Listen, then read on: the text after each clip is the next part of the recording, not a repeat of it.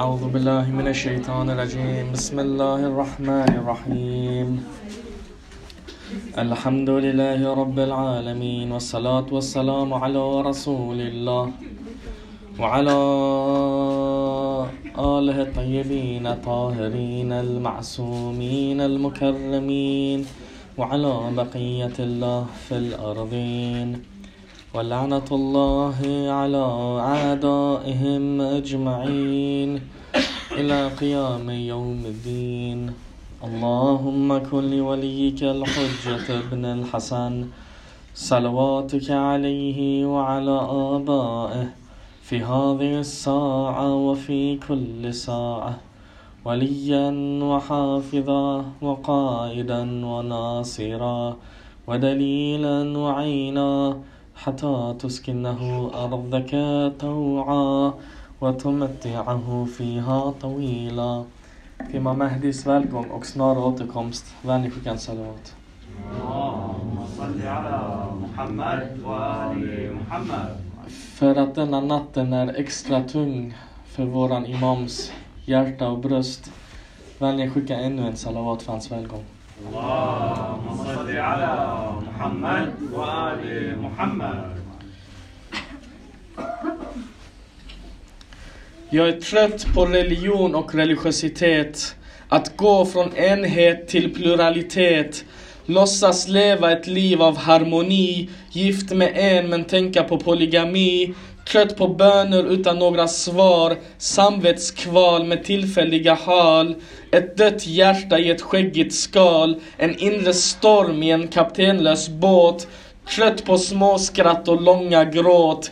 Ingen förstår känslan i detta bröst. Till tistlar och taggar finns ingen tröst.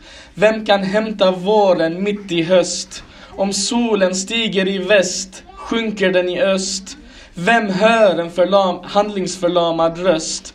Utan religion, ingen moralisk motivation, inget inre kompass eller etiko, etisk konstruktion. Till vem ska sägas dessa tunga ord? Hur ska tusen kilo bäras av ett bord? Se den svarta oljan i mitt blod, längtan att, längtan att begravas under jord men svarslös inför alla moraliska mord.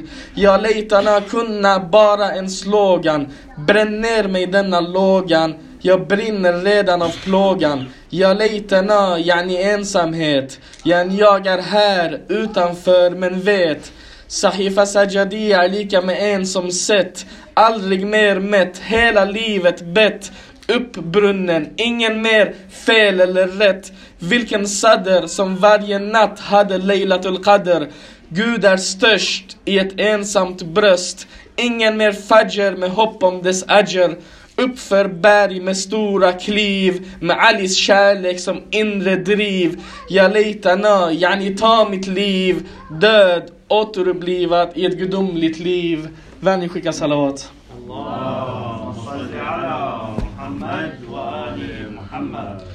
Människan befinner sig mitt i en mörk djungel av materialism. Hjälplös inför de stora vå- det stora havet av föremål och önskemål. Varje stund puttas hon hit, en dit av världsliga vågor.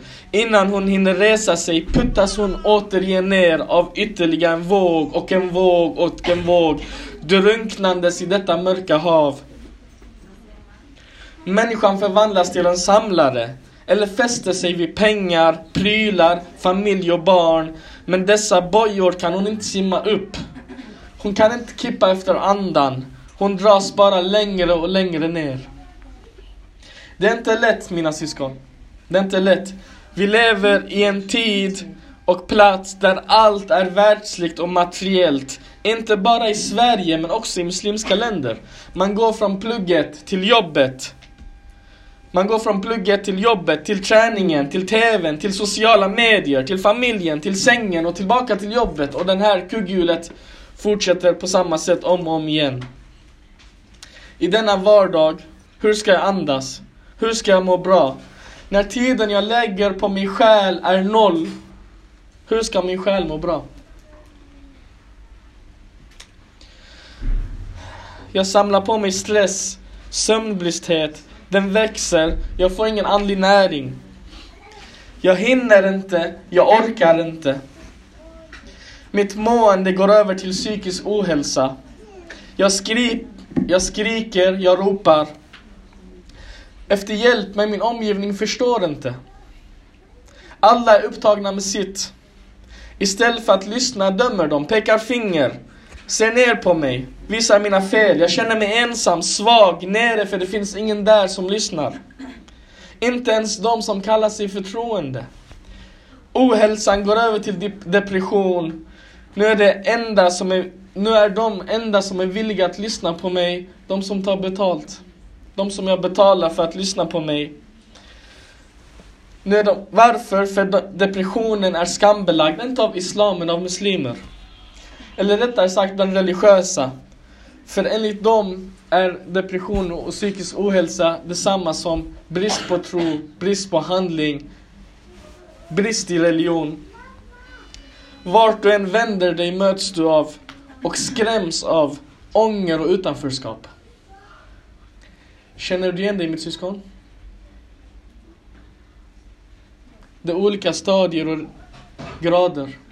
Men vi alla, eller de flesta av oss, befinner sig, eller har befunnit sig i någon av de här graderna någon gång. Är det inte så? Ska jag säga en sak mina syskon? Detta jag sa det nu, det är inte mina ord.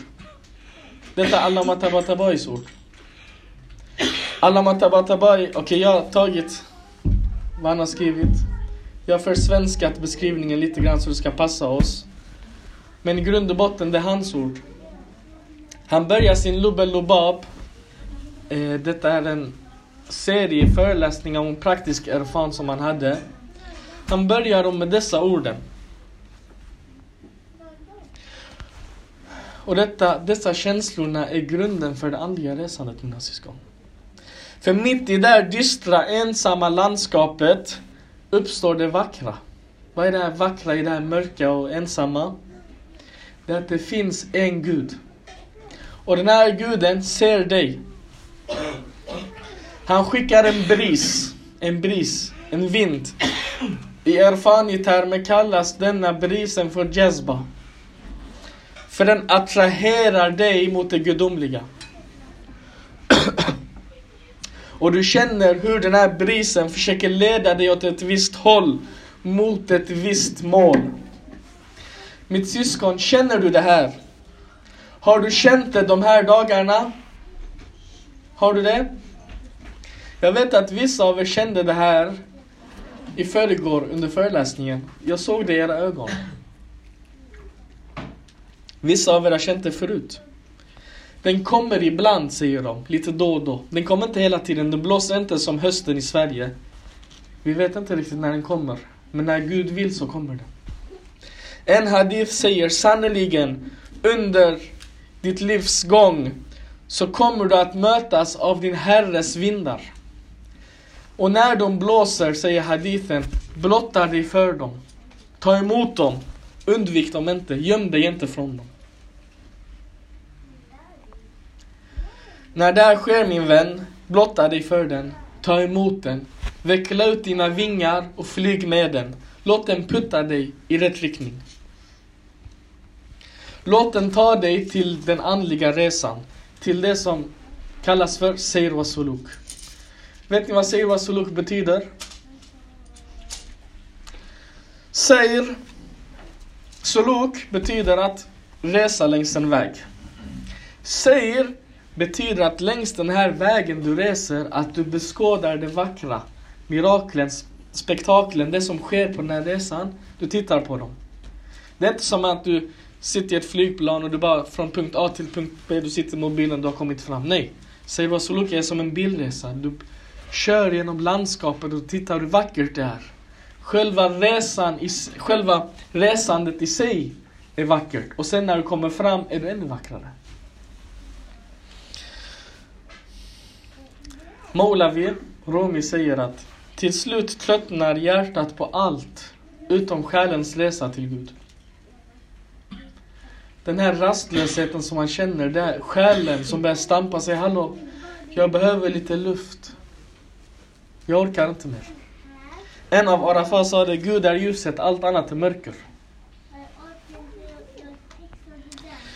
Vissa tror, vissa tror att psykisk ohälsa och depression, när det drabbar en person, att det kan lösas med lite extra ibad och lite koranläsning.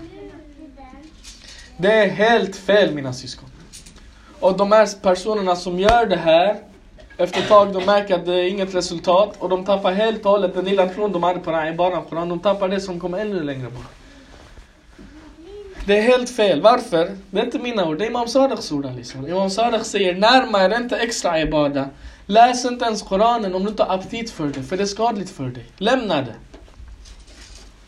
Självklart, Koranen med en melodiröst, någon som kan läsa men väldigt vacker och du lyssnar på den här 5-10 minuter om dagen. Det programmet det är ingenting man tvingar sig Man kan ha det programmet och det påverkar, en viss påverkan.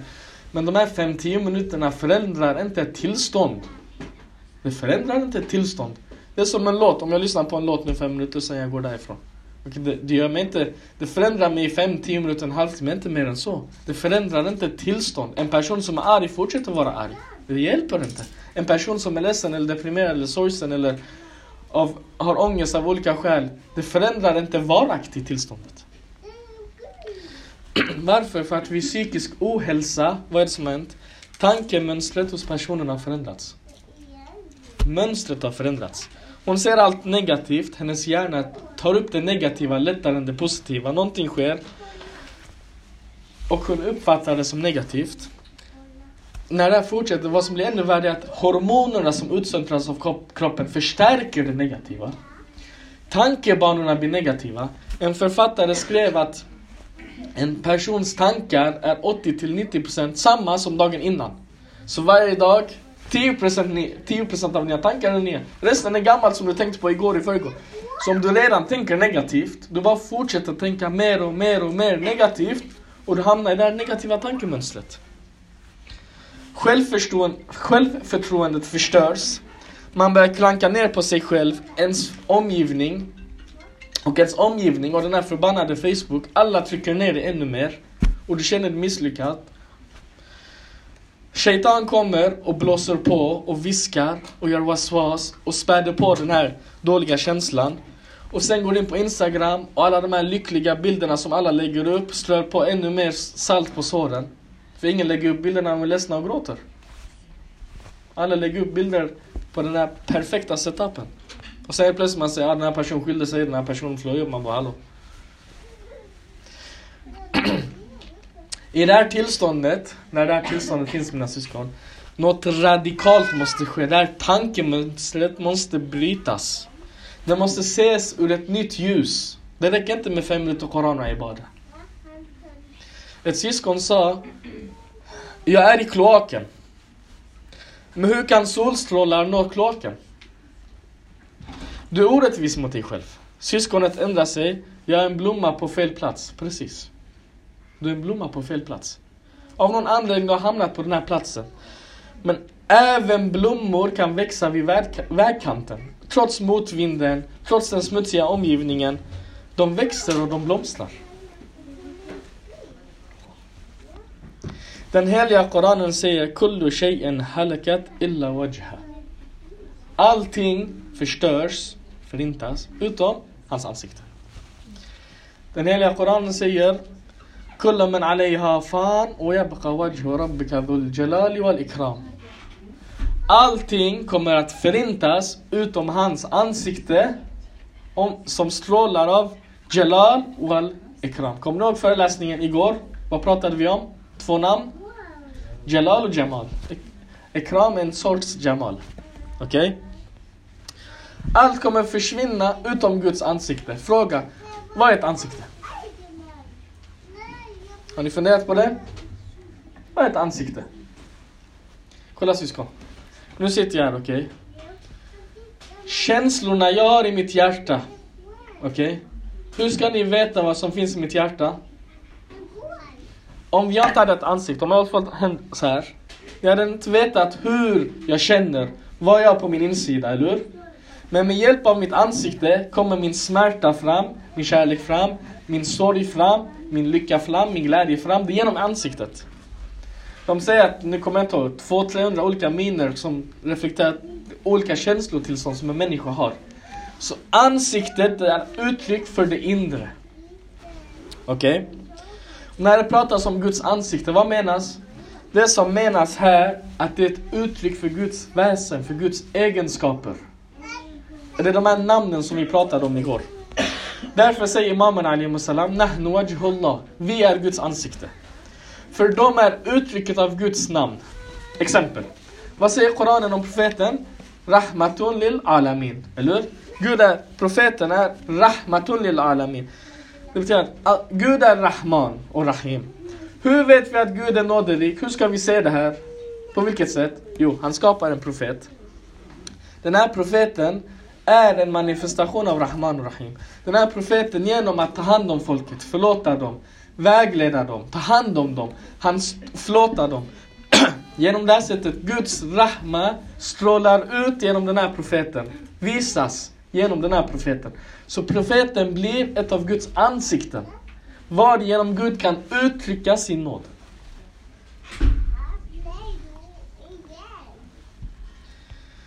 Så det som är med Gud, Wajhullah, det kommer att bevaras och överleva. Allt annat kommer dö ut. Och det är det som den andliga resan går ut på syskon. Att resa från det döda, mörka landskapet, att gå igenom den här förändringen av tankemönster och att uppvisa detta, tillskriva sig själv Guds namn och egenskaper tills man blir ett av Guds namn i hans närhet. Exempel. Ursäkta detta, jag dricker hela tiden. Ni som vet om sen igår så gick min röst i sönder första natten. I alla fall. Exempel. Jag är snål. Okej, okay, varför är jag snål? Varje person är snål av en anledning, jag vet inte. Jag måste gå in och förändra mitt tankesätt kring min snålhet. Är det för att jag tror att jag måste vara snål så jag ska överleva? Är det en överlevnadsinstinkt? Är det för att jag tror jag ska få mer? Vad är det för någonting? Det här tankemönstret måste brytas, förändras. Jag måste till exempel, ah, är det inte Gud som ger risk? Han ger risk. Varför är jag snål? Och så vidare. Man förändrar tankesättet. Sen när jag hittar tankefelet, förändrat det här mönstret med övertygande bevis. Sen kommer jag med Ahlul Kolla vilken inspiration de är, hur generösa de är. Imam Hassan, Imam Hussein och så vidare. Därför börjar jag praktisera det. Jag har snålheten kvar, den är djupt rotad i mig. Men jag börjar skänka det ena efter det andra. Jag krigar mot den här snålheten. Sakta men säkert överkommer jag den. Sakta men säkert min tillit till Gud ökar. Så min Tawakul ökar. Till sist blir jag ett exempel för karam. När jag blir ett exempel för givmildhet och kamal, karam, så lever jag upp och blir ett av Guds namn, Karim. Jag blir Karim. Så enkelt är det. Vad sa vi i förrgår, igår, jag kommer inte ihåg. Om den här tjänaren, i förrgår var det Imam Sadiq sa i rådet till honom, Shia håller fast vid Ahl al-Bayt. Eller hur? Det betyder att vi går i deras fotspår, vi tittar på dem, vi blir som dem. Det finns en hadith al-Qudsi, den är jätteenkel, jättefin. Gud säger, Abdi, min tjänare. Mm? Sa du den? Lyd mig, lyd mig och jag kommer göra dig till mitt exempel. Lyd mig och jag kommer göra dig till mitt exempel. Jag är levande, jag kommer aldrig dö. Så du kommer bli levande och aldrig dö. Jag är rik och blir aldrig fattig, så du kommer bli rik och aldrig fattig. Jag säger till vad jag vill, kun, fayakun, bli så det blir. På samma sätt kan du säga kun, fayakun. Tror ni inte Imam Hussein Ali salam och Karbala kunde med en kun fayakun döda allihop? Jin kom till honom, först kom änglarna och sen kom Jin. Båda sa, vill ni att vi attackerar de här fienderna och gör upp och ner med allihop? Imam Hussein skrattade åt dem. Alltså, jag kan själv, jag behöver inte er hjälp. Om jag ska använda mig av andliga krafter, jag är kun för jag kun alla dör. Men Gud vill inte att det här ska ske. Denna mannen var så generös syskon. De pratar att Jesus dog på korset för människans synder, den kristna Jesus. Vi säger att Imam Hussein inte dog på korset. Hela hans familj, hans sex månaders bebis offrades För att vi ska ha en islam idag. Det finns inte någon annanstans. Därför kommer vi till den här punkten. Arafat säger att den snabbaste vägen för att komma långt på den andliga resan är genom Imam Hussein. Det är inte vad Arafat säger, Arafat säger, men det är Ahlul Bayt själva som säger. En hadith säger från Ahlul Bayt, de säger att vi är Safinat Nejat, vi alla är eh, frälsningens och rädd, räddningens farkost. Men Imam Husseins farkost är den största och snabbaste. Men Ahlul Bayt själva säger, om du ska ta ett av de här tågen, yani du vill ha VIP, första klass, minst byten, komma fram snabbast, billigast, ta Imam Husseins fartyg.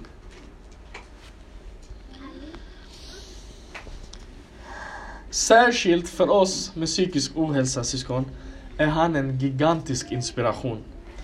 Profeten kallar vad står det på den här skylten? Sannerligen är Imam Hussein Misbahul Huda, alltså vägledningens lykta, och Safinat Nejat, ledningens farkost. Varför? Kolla syskon. Kolla. Imam Husseins situation är följande. Om vi bara berättade rent historiskt torrt utan någon azar alltså någonting. Vad som hände i Karbala. Till en person som är helt okunnig, ignorant, icke-muslim. Han skulle säga sannerligen så var Imam Hussein förtryckt. Eller hur? Imam Husseins exempel är en lykta, den är tydlig. Genom historien det har funnits många exempel, många fall. Folk har blivit förvirrade. Kolla Nabi Khidr Ali salam och Nabi Musa Ali salam. Yani inte ens Nabi Musa, Kalimullah, Ulul Azm profet förstod exakt vad Khidr ville av honom. Det är inte Misbahul Huda. Yani den är lite så här, den är lite svår att förstå. Om jag säger så. Men Imam Hussein har titeln Misbahul Huda. Yani det är svart på vitt, det är som solen en klar dag. Förstår ni? Misbahul Huda.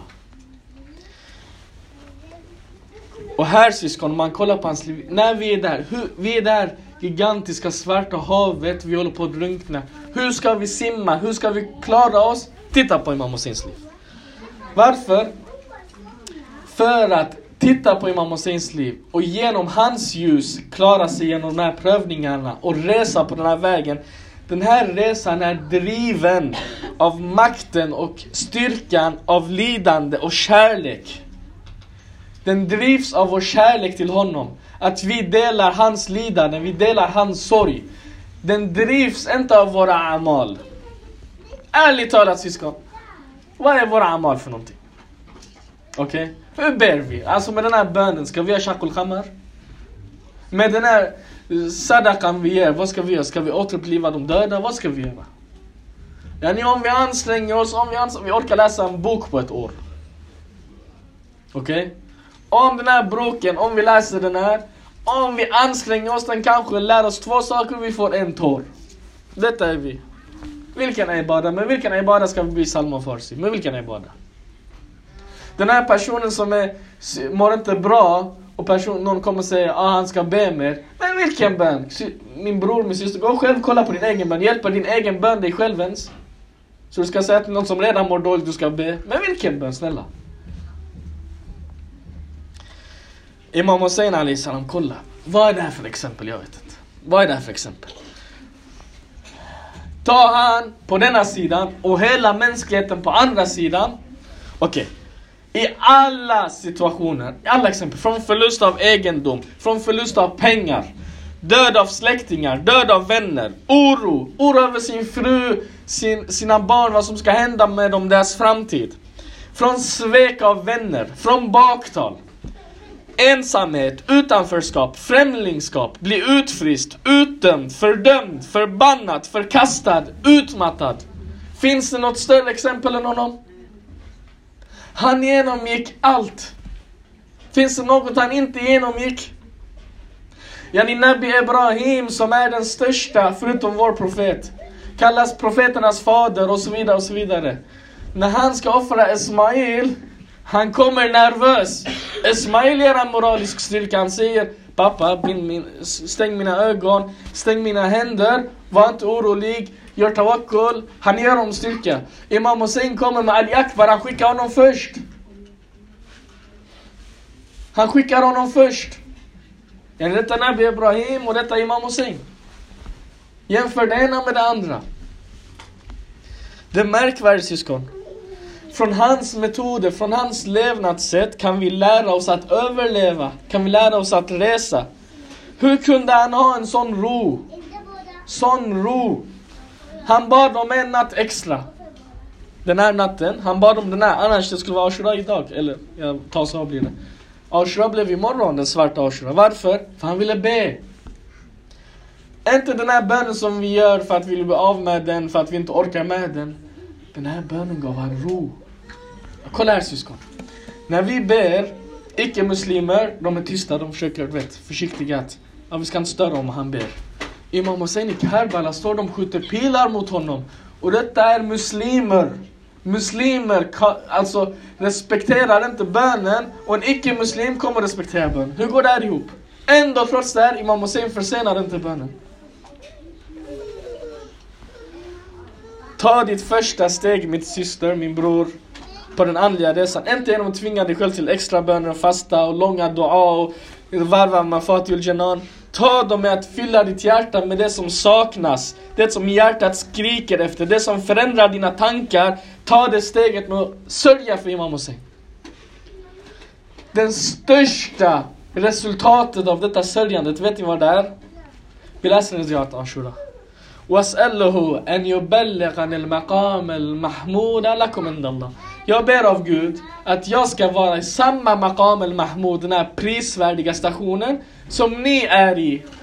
Jag delar er sorg och genom den här sorgen och kärleken jag delar med er så ber jag till Gud att han ska lägga mig i samma maqam al-mahmud som ni är i.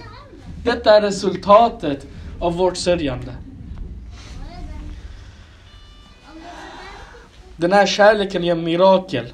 Det är en drivkraft som tar oss steg för steg. Och vi får inte tappa tålamodet syskon. Detta är inte någonting som förändras över en dag, en vecka. Men vi har, till Arbain i alla fall har vi lite medvind. Låt oss anstränga oss lite grann. Den heliga Koranen säger för dem som strävar i vår väg kommer vi vägleda. Och vad betyder det här? Okej. Okay. Vi tror att vi kan bara sitta här och Gud kommer skicka en vägledare. Nej. Ta den här skeden och stoppa den i munnen. Ingen kommer mata dig. Du måste ta skeden, stoppa den i munnen. Tugga den. Sen när du stöter på svårigheter och motstånd på vägen, Gud kommer lösa dem. Så enkelt är det.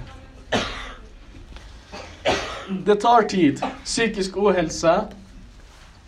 Psykisk ohälsa kommer inte på en dag. Det kommer på en period. Steg för steg, veckor, månader. Så vi måste också steg för steg, månad för månad, kämpa. Min syster, min bror, tappa inte hoppet. Gå tillbaka till Imam Hussein. Tänk på vilken situation han var i, hur ensam han var, hur han kämpade.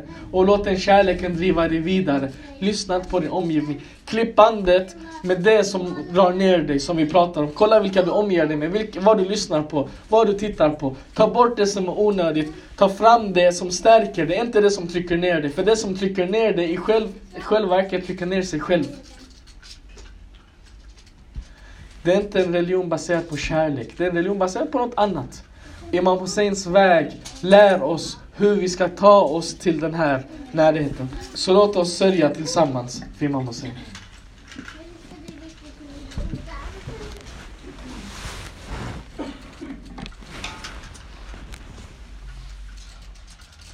Kasta era problem. Det är som att du ser Imam Husseins huvud framför dig. Det är som att du ser Zainab fiska så. Det är som att du ser barnen